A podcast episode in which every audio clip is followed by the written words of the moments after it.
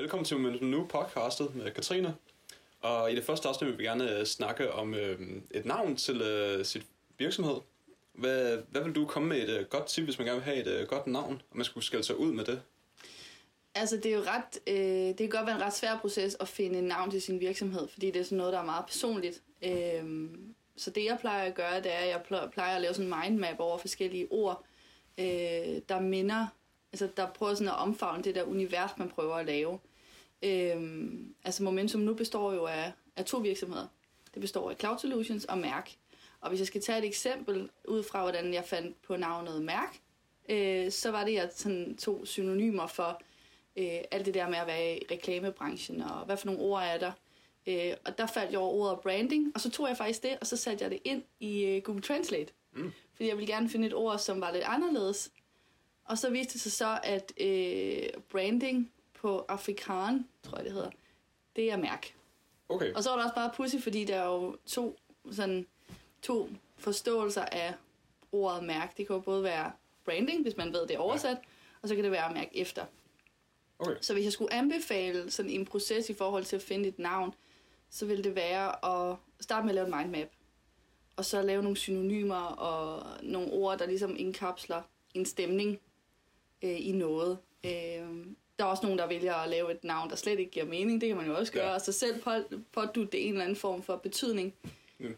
Øh, men det smarteste er at begynde at summe lidt over, hvad for nogle, hvad for nogle synonymer er der, og hvad for nogle, sådan nogle måske sådan lidt kække, friske ord kan man bruge, ja. sådan, så det bliver lidt anderledes end, end alle mulige andre. Og så bare sørge for, at det er super personligt. Altså det er noget, du, sådan, du kan stå indenfor, og det er noget, du er stolt af at sige, og det er noget, der ligger godt i munden, når du skal fortælle om det, og sådan. Ja. Ja, det er sådan så for eksempel hvis man nu tog bare og gik ind på Google og søgte på sådan et navnegenerator, det ville ikke være sådan det mest optimale at gøre.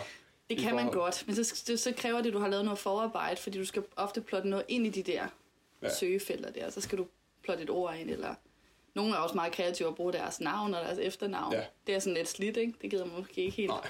gøre. Øh, men det kan man også gøre, bruge ja. navnegenerator. Okay. Men så kræver det lidt, at du har lavet noget forarbejde, fordi du skal kunne putte noget ind i den der navnegenerator. Ja, okay. Skrive noget i feltet. Ja, okay. Mm. Så det bedste det er jo faktisk bare at, at have noget, som der inspirerer en sådan, til firmaet, kan man sige. Mm. Som der er en del af det også. Ja. Okay. Det var en god idé at have til det. Ja. Hvis nu der er der nogen, der gerne vil starte sit eget virksomhed op mm. i fremtiden. Det er svært at finde et.